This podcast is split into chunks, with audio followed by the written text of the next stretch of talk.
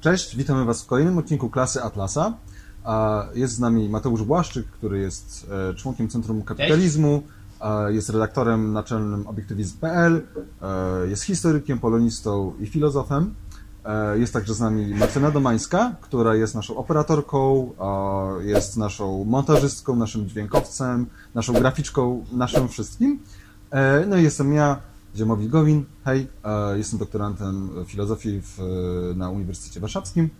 E, dzisiaj porozmawiamy o takim temacie, który sądzę, że troszeczkę będziemy nawiązywać do poprzednich podcastów, zwłaszcza do podcastu troszeczkę e, tego o romantycznej miłości, ponieważ będzie chodziło o relacje międzyludzkie. Jak wszyscy wiemy, relacje międzyludzkie zajmują 90% naszego całego życia. To, co robimy, zazwyczaj robimy w kontekście też do innych e, ludzi. Jest takie biblijne powiedzenie: Nie sądźcie, abyście nie byli sądzeni. To prawda. Jest. My proponujemy inne powiedzenie. My proponujemy sądźcie i przygotujcie się na to, że sami będziecie sądzeni. No właśnie. Będziemy trochę mówić dzisiaj o cnocie sprawiedliwości, czyli o tym, w jaki sposób oceniać innych i dlaczego jest to ważne i dlaczego jest to przede wszystkim ważne z punktu widzenia naszego szczęścia, z punktu widzenia e, naszego dobrobytu i z punktu widzenia zdrowych relacji międzyludzkich. Tak jak mówiliśmy w odcinku poświęconym szczęściu, wyjaśnialiśmy, że szczęście nie jest czymś, co zdarza się nam przypadkowo, ale jest wynikiem i konsekwencją naszych działań, naszych decyzji, tego co robimy w życiu i między innymi jest wynikiem i konsekwencją praktykowania pewnych cnót. Słowo cnota czy cnoty, y, wiedzenie cnotliwego życia jest czymś, co dzisiaj może brzmieć troszeczkę archaicznie, co trąci myszką, no bo co to są jakieś cnoty, które należy praktykować, co to znaczy cnotliwe życie. To brzmi tak troszeczkę jak z powieści Jane Austen albo jeszcze starszych. E, natomiast my chcemy powiedzieć, że można na to spojrzeć z zupełnie innej perspektywy. Można spojrzeć e, z perspektywy, w której cnoty nie są jakimiś arbitralny, arbitralnie wybranymi zasadami, regułami, sztywnymi regułami postępowania, których musimy przestrzegać, bo tak, że należy praktykować takie czy inne cnoty, bo należy je praktykować, koniec wyjaśnienia, tylko chcemy przedstawić wizję tego, dlaczego te cnoty są nieodłączną częścią dobrego życia i nieodłączną częścią e, szczęścia, które możemy w tym życiu osiągnąć. I dzisiaj mówimy o jednej z takich cnót, e, o cnocie sprawiedliwości, a zwłaszcza o cnocie sprawiedliwości w kontekście tego, o czym przed chwilą Ziemowit powiedział, czyli oceniania. Dlaczego należy sądzić, i przygotować się na to, że my sami będziemy osądzani. E, tutaj jeszcze powiem, że na pewno nagramy osobny podcast ogólnie o cnotach, o tym, czym są cnoty. E, dla wielu osób słowo cnota i słowo wartość to są synonimy. Otóż wartość jest tym, do czego człowiek dąży, do na przykład jakiejś pracy, do szczęścia, do jakiejś, jakieś osiągnięcie. E, a cnota to jest sposób, na podstawie poprzez który dochodzimy do tej wartości. Więc cnota jest niejako sposobem zachowania, pewną, pewną zasadą, którą się kierujemy właśnie w dążeniu do określonych wartości. Przez wartości mamy na myśli jakieś cele. E, no dobrze. E, przede wszystkim, e, dlaczego powinniśmy oceniać innych ludzi? Dokładnie tak samo jak w kontekście miłości, żeby nasze życie mogło być szczęśliwe, musimy, musimy móc otaczać się ludźmi, którzy życzą nam dobrze i mają na nas dobry wpływ. E, taki najprostszy przykład. E, właściwie ogólnie jak myślimy o relacjach międzyludzkich, jak się zastanowimy nad swoimi relacjami, które mamy, e, nad naszymi kolegami, koleżankami, to sądzę, że każdy z nas ma minimum jedną osobę, która w naszym życiu jest toksyczna i tak naprawdę nie wpływa na nas dobrze. Nie życzymy wam tego, ale jest na to duża szansa, że tak jest. No tak jest zazwyczaj. Poznajemy kogoś, ta osoba wydaje się fajna, dobrze się nam rozmawia przy piwie, się z tą osobą zadajemy, gdzieś sobie z nią wyjdziemy, a potem się okazuje, że ta osoba jest e, generalnie mówiąc słaba, e, no ale cały czas trwamy jakoś w tej relacji, mamy z tym problem, e, ta osoba jest w jakiś sposób wobec nas toksyczna, no i generalnie mówiąc w skrócie nie przyczynia się to do naszego szczęścia. Więc podstawą ogólnie cnoty sprawiedliwości podstawą, dla której powinniśmy kierować się cenową sprawiedliwości, taką podstawową rzeczą jest to, żeby wchodzić w te relacje, które są dla nas dobre. E, innymi słowy, żeby spojrzeć na to, jaka jest dana osoba, osądzić ją obiektywnie, to znaczy faktycznie spojrzeć, e, jakimi ona się kieruje cnotami, jakimi ona się kieruje, jakimi ona się kieruje e, wartościami. Już mówiliśmy w kontekście miłości, że no, miłość to jest pewna relacja romantyczna wobec osoby, z którą mamy wspólne wartości. Podobnie jest z przyjaźnią.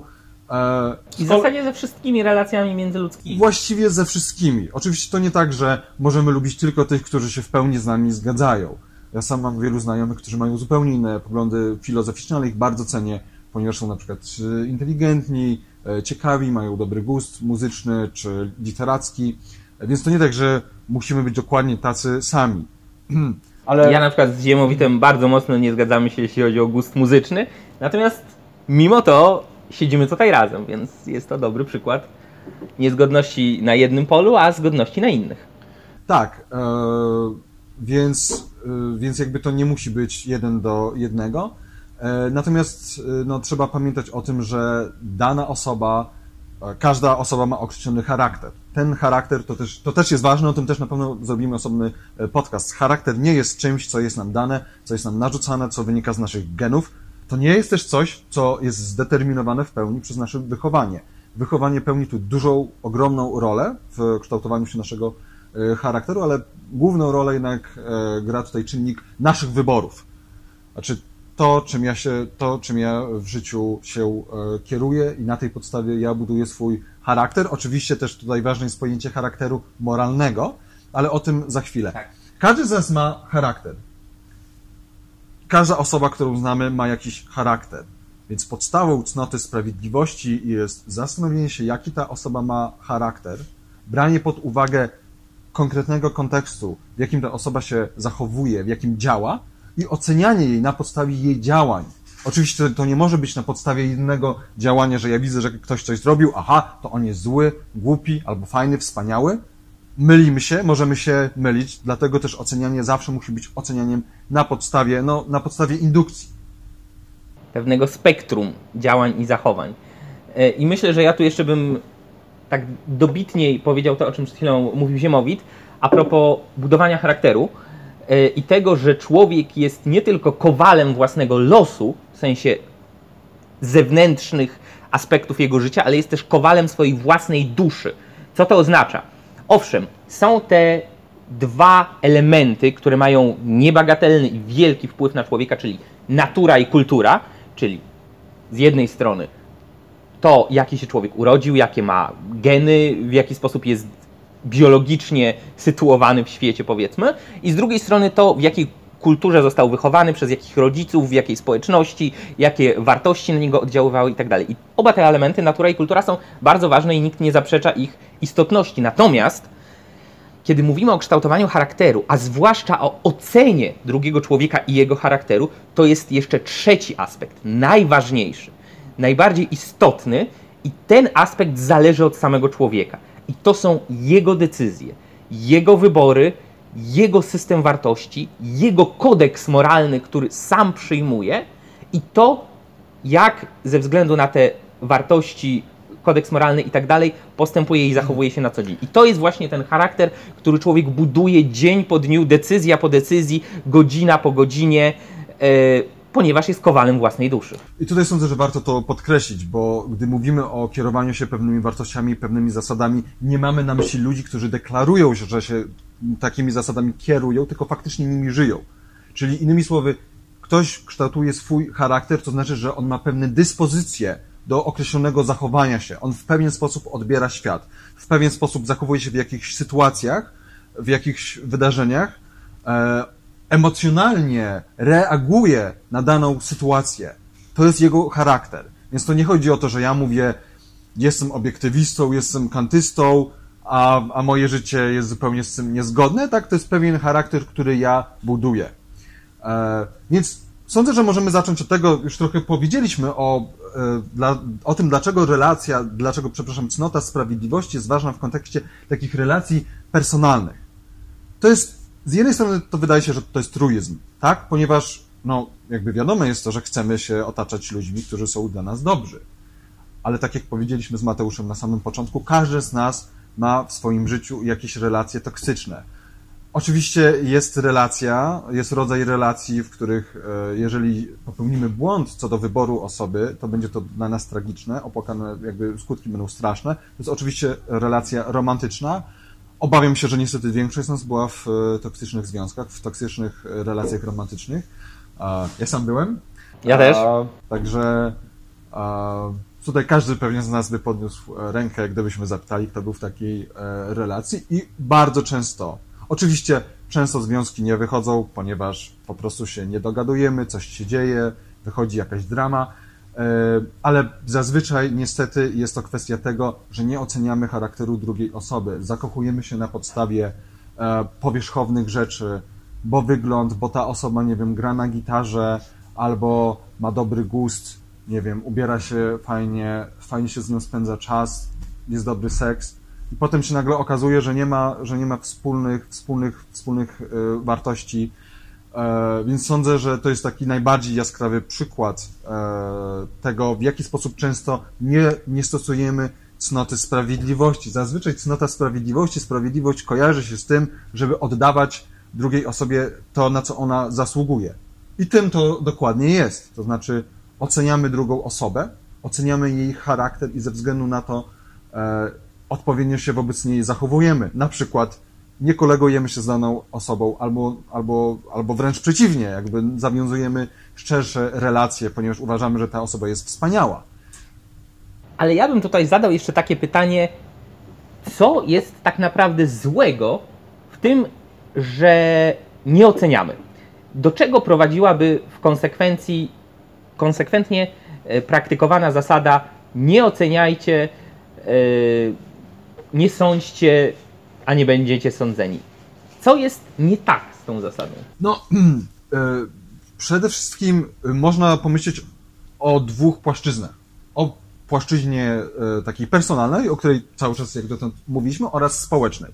Na płaszczyźnie personalnej, gdybyśmy w praktyce stosowali zasadę, żeby nie, żeby nie oceniać, żebyśmy się nie kierowali cnotą sprawiedliwości, właśnie definiowaną jako oddawanie drugiej osobie to, na co ona zasługuje ze względu na swój charakter, ze względu na swoje cnoty oraz przywary, ze względu na swoje e, wady, gdybyśmy się nie stosowali, gdybyśmy się nie kierowali tą cnotą, no to byłby kompletny chaos. I to byłby chaos, w którym byśmy nie odróżniali ludzi, e, nawet niekoniecznie dobrych i złych moralnie, ale przede wszystkim takich, które faktycznie coś dla nas mogą znaczyć. E, i byłby kompletny, kompletny chaos, który doprowadziłby nas do, no, sądzę, samych, do niezrozumienia, e, do ciągłych porażek, do ciągłych dram, tak. kłótni. Trzeba pamiętać, że my tak naprawdę, żeby żyć i funkcjonować w świecie, wśród ludzi, musimy oceniać i wartościować cały czas. Cały czas, kiedy widzimy się z drugim człowiekiem, de facto oceniamy. Ja, kiedy zapraszam kogoś do współpracy przy kręceniu podcastów, muszę wiedzieć, czy osoba, e, którą zapraszam, e, jest w stanie coś powiedzieć przed kamerą, albo czy jest w stanie obsłużyć tę kamerę, żeby móc nas nagrać. E, kiedy pracodawca zatrudnia pracownika, musi wiedzieć, czy on jest w stanie wykonywać swoją pracę w sposób odpowiedni. Pracownik musi wiedzieć, czy ten pracodawca jest wypłacalny i czy faktycznie dostanie od niego pensję, czy nie, i tak dalej, i tak dalej, i tak dalej. Więc spektrum tej oceny dotyczy w zasadzie każdego aspektu naszego życia, e, każdego człowieka, z którym się stykamy, nawet jeśli wychodzimy z kimś na piwo, to warto się zastanowić, hej, czy to jest osoba, z którą fajnie będzie się piło, to piwo fajnie się będzie rozmawiało i tak dalej, czy to będzie e, stracony wieczór, stracone kilka godzin życia. Więc tak naprawdę ta ocena jest potrzebna cały czas. Tylko albo możemy to zdać się po prostu na jakieś intuicje, e, na zasadzie, że no ja tak naprawdę nie oceniam, nie wiem do końca, ale jednak coś tam i płynąć z prądem, albo możemy to robić świadomie, celowo, kierując się własnym rozsądkiem. No, tutaj słowo rozsądek dla wielu ludzi brzmi jak tak zwany zdrowy rozsądek, czy chłopski e, rozum. E, tutaj oczywiście mamy na myśli kierowanie się rozumem, kierowaniem się racjonalnością, czyli racjonalne, obiektywne ocenianie drugiej osoby, nie ze względu na to, co mnie się wydaje. Albo, i to jest też bardzo częsta sytuacja, że ja zachowuję się wobec drugiej osoby poprzez to, jak chciałbym ją widzieć. E, To też, no niestety to najczęściej jest w związkach, ale w przyjaźniach też. Odsuwamy od siebie myśli, że ta osoba jest taka. No ja nie chcę, żeby ten chłopak był, był taki, ja nie chcę, żeby ta dziewczyna była taka. Racjonalizujemy. To znaczy usprawiedliwiamy te osoby w, w duchu, w swojej, w swojej e, głowie. No i to też jest bardzo niebezpieczne, bo niestety rzeczywistość jest jaka jest, a jest a e, i po prostu prędzej czy później się to na nas e, odbije.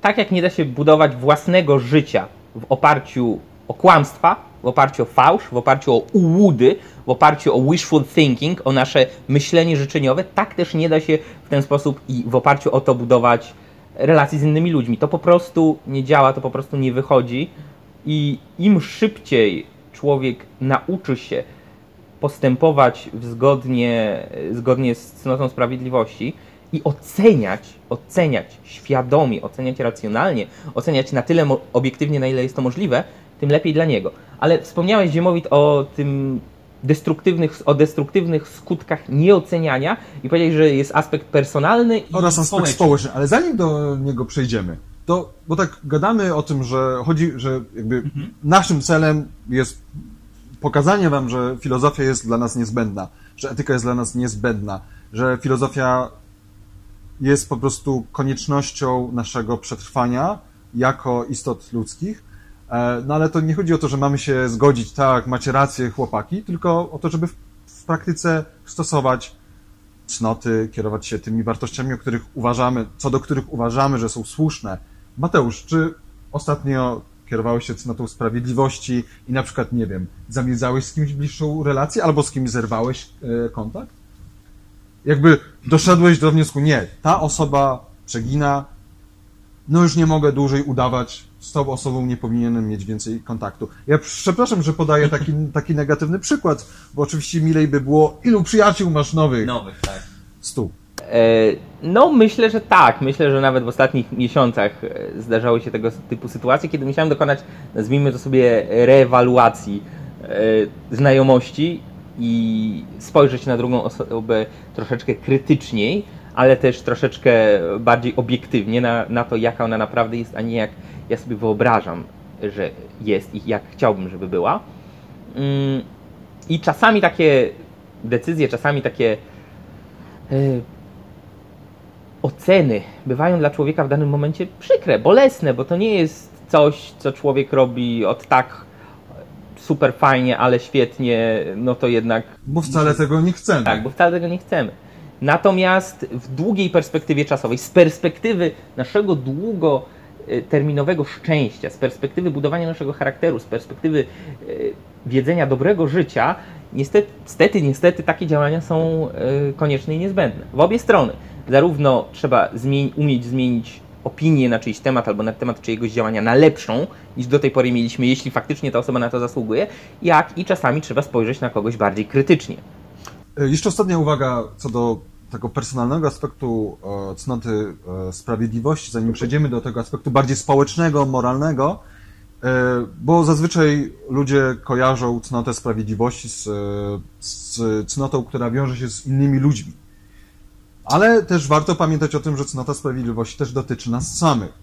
I to sądzę, że jest bardzo częste u ludzi, że sami siebie nie oceniają obiektywnie. Bardzo często nie dopuszczają do siebie przykrych myśli na temat właśnie własnego charakteru, tego, że robią coś źle, racjonalizują swoje własne błędy, swoje porażki, swoje wady, usprawiedliwiają się. Albo w drugą stronę. Albo w drugą stronę.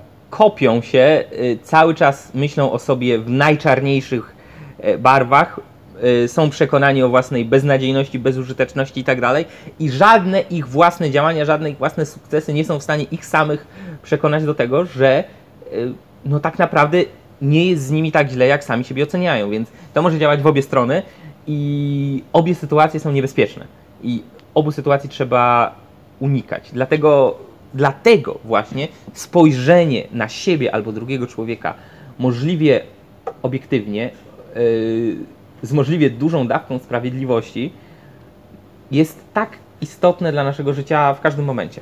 Tak, i tutaj my nie mówimy, że hej, ktoś cię wkurzył, zrywaj z nim kontakt, blokuj na, go na Messengerze, nie wiem, Chodzi o to, żeby naprawdę długo się zastanowić, dać drugiej osobie szansę, wziąć pod uwagę wszystkie jej zachowania. Nie tylko, że ta osoba raz coś zrobiła złego, albo raz coś zrobiła dobrego, bo to też mamy takich znajomych, którzy generalnie są słabi, ale nagle zrobił coś super i ojejku, ale on jest fajny. Więc naprawdę chodzi o to, żeby oceniać obiektywnie, racjonalnie. No dobra, aspekt społeczny. Aspekt społeczny przede wszystkim wiąże się z, wiąże się z oceną moralną. Co by się stało, gdybyśmy się nie kierowali cnotą sprawiedliwości w kontekście społecznym? No przede wszystkim nie moglibyśmy w ogóle oceniać tego, co się dzieje na świecie, tego, co się dzieje w polityce, tego, co się dzieje w ruchach społecznych. Gdybyśmy nie oceniali polityków, e, osoby publiczne i tak dalej, no to tak jak chaos byłby personalny, gdybyśmy nie oceniali swoich znajomych i ludzi, których napotykamy, tak samo byłby chaos taki społeczny, publiczny, nazwijmy to. Byłoby to przyzwolenie de facto na zło. Dlaczego? Bo ponieważ kierowanie się cnotą sprawiedliwości to jest uznanie, że czyjeś zachowanie oznacza, że ta osoba jest naganna moralnie albo moralnie jest słuszna, tak? To znaczy ta osoba ma pewne bady, albo ma pewne zalety, kieruje się cnotami, albo wręcz przeciwnie. Tak, i mało tego, e, to jest myślę, że temat na kolejny podcast, ale musimy pamiętać, że istnieje coś takiego jak dobro i istnieje coś takiego jak zło. I nawet jeśli dany człowiek w swoich wyborach, decyzjach życiowych, w tym jak kształtuje swój charakter, jest mieszanką jednego i drugiego, to my musimy umieć ocenić daną decyzję, dany postępek jako dobry albo zły, e, bo w przeciwnym razie, kiedy twierdzimy, że wszystko jest szare, nie ma dobra i zła, są tylko różne odcienie szarości, tak w zasadzie to jest e, też zabawne, bo szarość jest połączeniem czerni i bieli, więc jeśli szarość jest połączeniem czerni i bieli, to po co decydować się na wybór szarości, kiedy możemy oddzielić czerń i biel i wybierać tylko biel, a odrzucać czerń. Ale to tak tylko Dobra. E, na marginesie. Ale wyrzeczenie się oceniania wyrzeczenie się mówienia, to jest dobre, to jest złe. Ten człowiek postąpił słusznie, ten postąpił niesłusznie. Ta decyzja jest mądra, rozsądna i prowadzi ku dobrym skutkom, a ta jest wręcz odwrotna. Wyrzeczenie się tego jest tak naprawdę daniem wolnej drogi wszystkiemu, co najgorsze. Bo to nie sprawia, że dobro i zło są w równowadze wówczas, że różne odcienie szarości są w równowadze. Nie. To sprawia, że jeśli my wyrzekamy się oceny, to tak naprawdę windujemy zło w górę. I myślę, że ktoś powie, no tak, no ale co to za problem? Nikt tego przecież nie robi, każdy jakoś tam ocenia.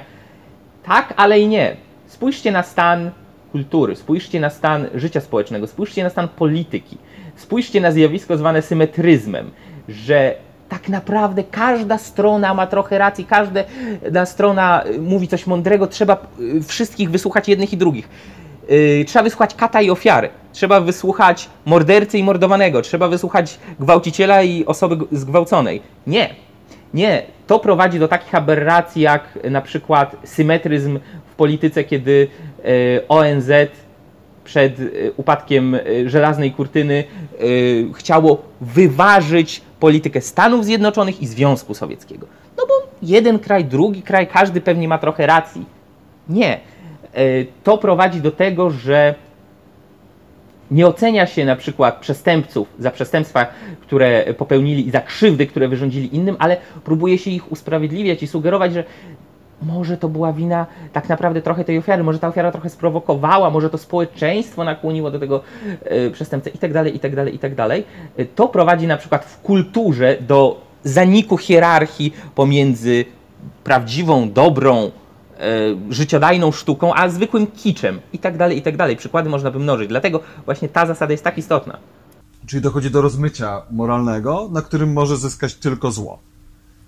Tak. I tu też Mateusz powiedział, że właśnie ktoś z was mógłby odpowiedzieć, no ale czekaj, czekaj, przecież ludzie oceniają.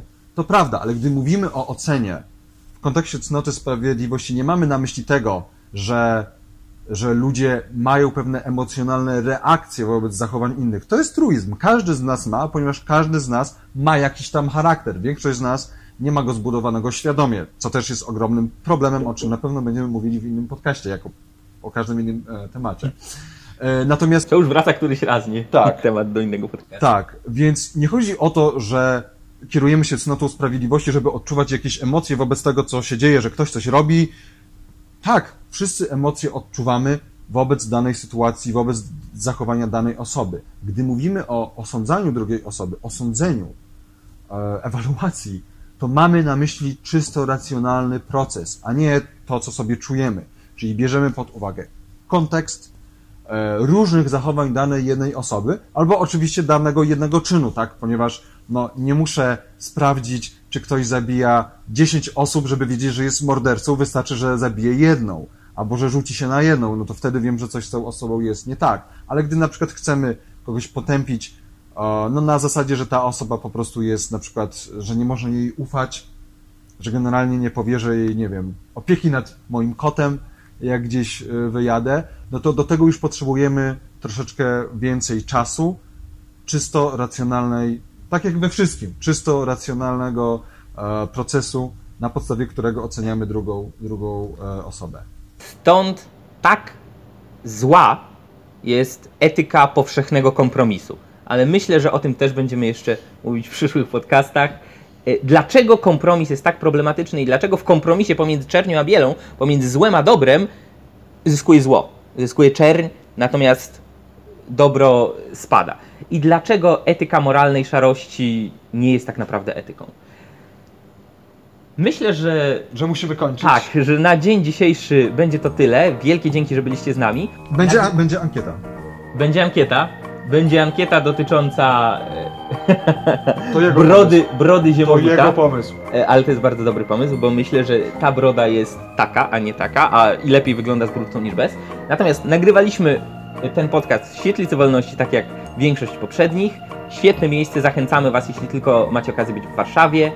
E, dziękujemy jeszcze raz naszej operatorce i montażystce Martynie. Dziękujemy Sylwii i Świetlicy Wolności za udostępnienie nam miejsca. I do zobaczenia następnym razem. Trzymajcie się. Hej. Hej.